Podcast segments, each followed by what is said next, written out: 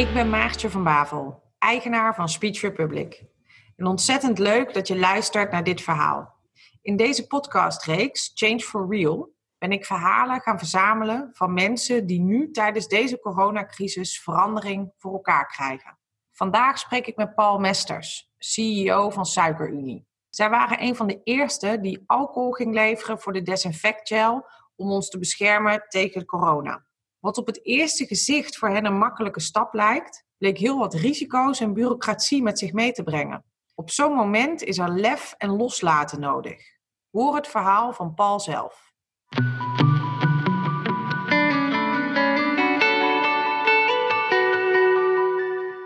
Ehm, we hebben een fabriek in Duitsland. Die maakt ehm, naast suiker ook uit suikerbiet um, bioethanol. En dat is een product wat we normaal uh, afzetten in grote hoeveelheden in de, zeg maar, de groene benzinemarkt, de E10. Mhm. Dat is dus benzine die bij, bijgemengd is met bioethanol voor de vergroening. Maar door de coronacrisis werden we door steeds meer uh, instellingen benaderd van hebben jullie ook alcohol? En nou is die bioethanol, is, um, ja, feitelijk is dat alcohol. Dus daar hebben we nog wat kleine aanpassingen aan de spec moeten doen. Uh, maar de grootste uitdaging zat hem eigenlijk in het niet afvullen in uh, grote treinvervoer. Wat we normaal gesproken doen, maar dus het gaan afvullen in kleinere eenheden. Dus ook bijvoorbeeld in um, tanktransport over de weg. Dus dat hebben we toch wel vrij snel gerealiseerd. Um, vanaf dat moment um, zijn we zowel gaan leveren buiten Duitsland uh, met die fabriek, als ook in de Duitse markt. Dus daar wordt één keer per week komen allerlei apothekers uit uh, de verschillende Duitse uh, Bundesstaten. Die komen naar Anklam en komen daar hun eigen alcohol ophalen voor desinfectie en voor handgels. Ja. Ze nemen geloof ik 300 liter per persoon mee in hun eigen auto. Wow. Ja, maar ook de Nederlandse markt bedienen we bijvoorbeeld echt met tankwagens hè, met 30.000 liter. Um, zodat ook daar uh, fabrieken die hard zaten te wachten op um, desinfectiealcohol. Uh, die hebben bij wijze van spreken de lijnen staan voor de handgels en voor de desinfectie, maar die konden gewoon niet verder, want er was geen alcohol meer. Dus die hebben we ook geleverd. Um, en nu zien we in Duitsland dat de fabriek heel veel aanvragers heeft liggen uit allerlei EU-landen om um, alcohol te leveren. Dus daar hebben ze vrij snel op ingespeeld door wat kleine aanpassingen aan de apparatuur. Um, en met name ook door um, het juiste papierwerk. Want alcohol op zich is een markt die uh, vrij dicht zit door regelgeving, accijns. Uh, want uh, de overheid is natuurlijk bang dat je alcohol gebruikt voor andere toepassingen dan handgel. Moet ik dan denken aan gewoon een, een, een glas uh, gin tonic? Of moet ik aan iets anders denken? Nee, je moet denken aan een glas gin tonic. Dus de fabriek Anklam is uh, uiteindelijk verantwoordelijk, of wordt door de overheid verantwoordelijk gesteld als het in andere toepassingen terechtkomt.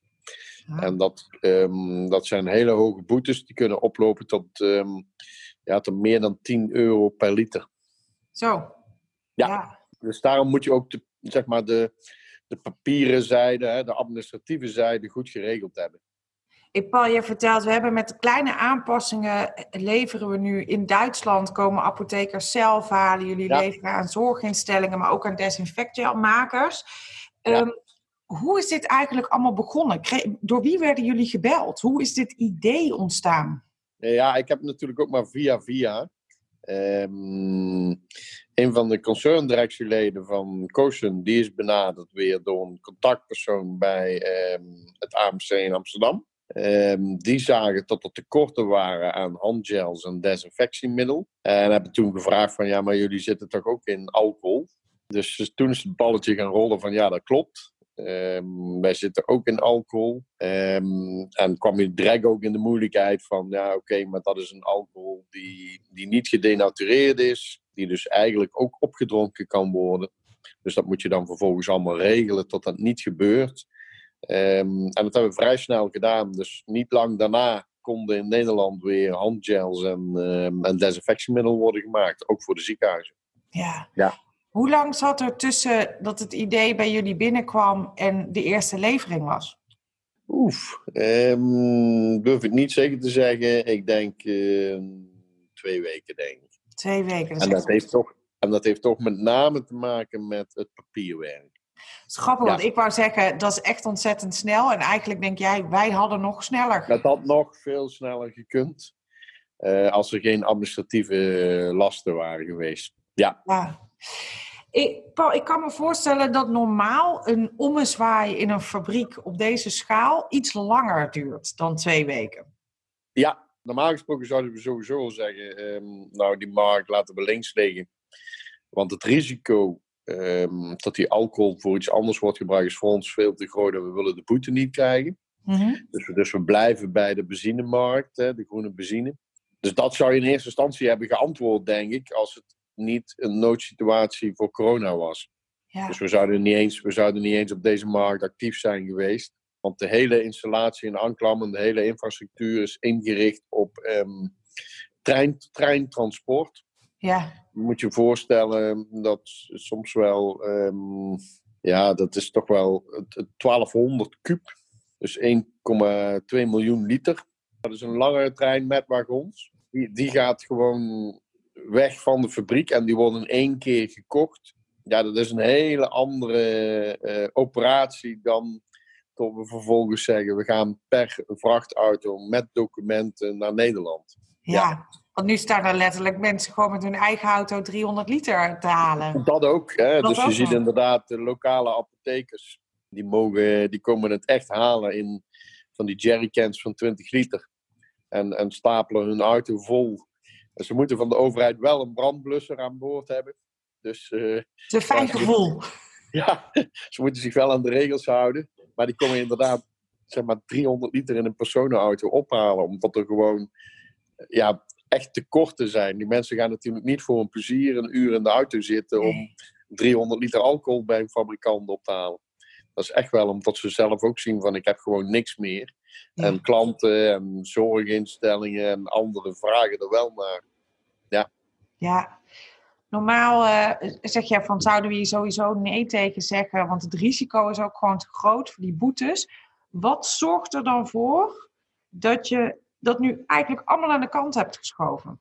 Dat je toch het samenhorigheidsgevoel, uh, wat nu de hele Nederlandse samenleving heeft om, om de crisis te bestrijden. En dan ga je toch anders kijken naar, kunnen we bijdragen daaraan? Om die crisis te bestrijden. Ja, dat kunnen we. Nou ja, dan, dan stap je er makkelijker overheen um, dan in een normale situatie waarin er geen uh, nood uh, aan de man is, zoals nu met de coronacrisis. Is, heeft je dat een inzicht gegeven of heb je daar iets van geleerd? Nou, laat wel we zien hoe, um, hoe complex soms markten in elkaar zitten hoe de regelgeving soms dus toch behoorlijk in de weg zit om, om makkelijk te kunnen uh, helpen. Want zelfs de overheid, ondanks dat die coronacrisis is, moesten wij toch een bankgarantie afgeven van vele miljoenen. Om te garanderen aan die overheid dat als het misgaat, dat zij hun boete geïnd krijgen. Oh. Dus je ziet, uh, je ziet er wij ons echt op, op. Dus dat lijkt van, nou ja, het is alleen een, uh, een technische operatie, waar je wat dingen verandert en vervolgens kun je een vrachtwagen afvullen. Nee, maar tot en met uh, de financiële administratie toe zijn mensen bezig om dit te regelen. Dus hè, die zijn dus ook mensen van COSUM bezig geweest met het regelen van die bankgarantie. Ja. Om te zorgen dat uh, de overheid dus ook toelaat dat we die vrachtwagens konden exporteren buiten Duitsland. Maar ze zeggen niet van, nou ja, het is coronacrisistijd, uh, laat die bankgarantie en laat die boetes, uh, die mogelijke boetes maar zitten. Dus je ziet gewoon, ze blijven zich aan de wet houden en, en maken het je eigenlijk daardoor best moeilijk. Ja, als ik dit zo hoor, dan lijkt het ook alsof jullie heel veel lef nodig hebben gehad om dit te gaan doen. Ja. Is dat iets, dat lef, hoe zou je dat zeg maar in de toekomst ook nog meer in projecten, in bedrijven kunnen krijgen? Ja, het zou mooi zijn als we dat natuurlijk een, een beetje overeind houden, dat ondernemerschap en dat lef. Ja, dat is toch vooral stimuleren van dit soort activiteiten. En um, we hebben ook de locatie zelf uh, en ook de mensen daar al een paar keer ook in beeld gehad. En uh, natuurlijk complimenten gegeven, et cetera. Om ook te laten zien dat we het heel erg waarderen. Ehm, dus ja, dat geeft ook wel een stukje trots natuurlijk op locatie. Hè, tot Suikerunie in staat is geweest om ja, te helpen. Ja, dat kan ik me voorstellen. Dus ja, dat soort trots wil je natuurlijk wel een beetje vasthouden in de toekomst. Klopt. Ja. Wat is het mooiste moment geweest van de afgelopen weken hierin? Het mooiste moment, ehm, denk ik toch wel toen de eerste vrachtwagen in Nederland aankwam. Ja. En waar ging die heen? Uh, die ging naar een producent die er inderdaad handgels van maakt. En dan denk je gewoon, het is gelukt. Ja.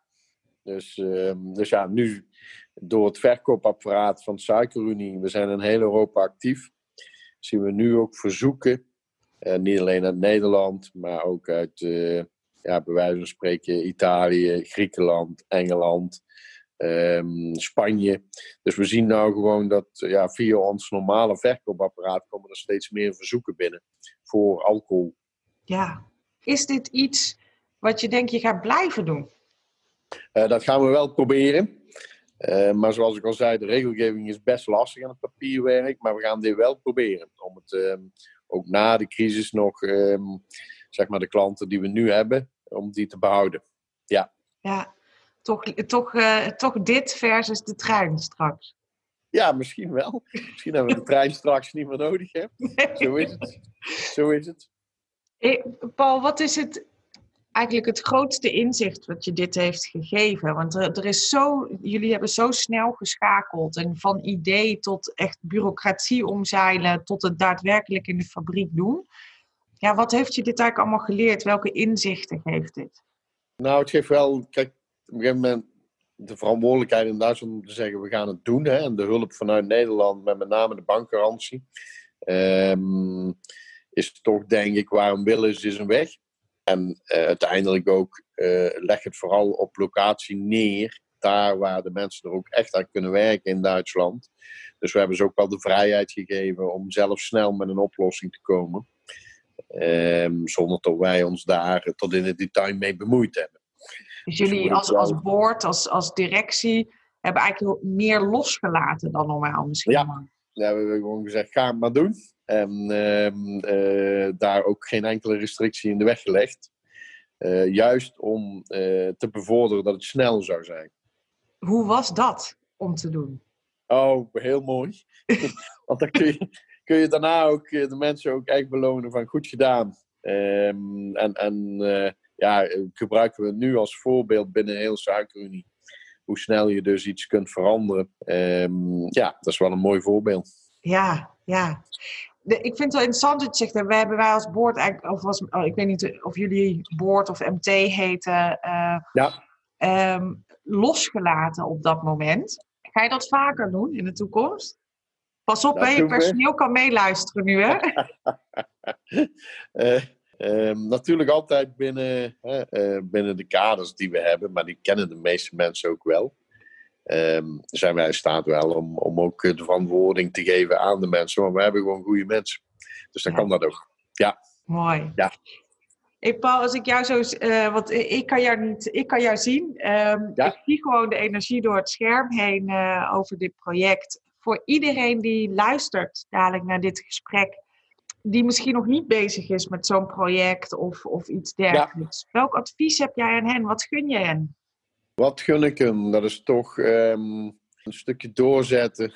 Um, levert zeker in deze tijd. Um, en dan moet je even niet nadenken over. Uh, zitten we, hebben we er wel of niet budget voor? Of uh, gaat dat wat kosten?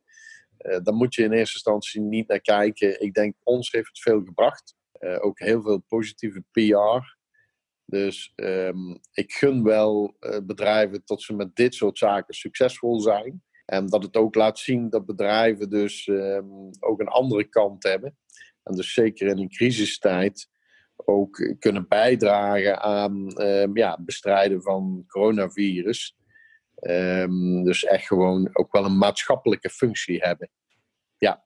Ja, mooie les. Dus je maatschappelijke rol pakken, maar ook niet ja. alle beren op de weg uh, die er potentieel zijn, er laten voor zorgen dat je überhaupt niet eens wil beginnen. Maar gewoon ja. beginnen. Zo is het. Mooie boodschap. Paul, ik vond ja. het een heel leuk gesprek. Ja. En uh, ik hoop dat we elkaar in de toekomst nog eens spreken. Succes met alles wat jullie aan het doen zijn. Dankjewel. En jij ook. Tot ziens.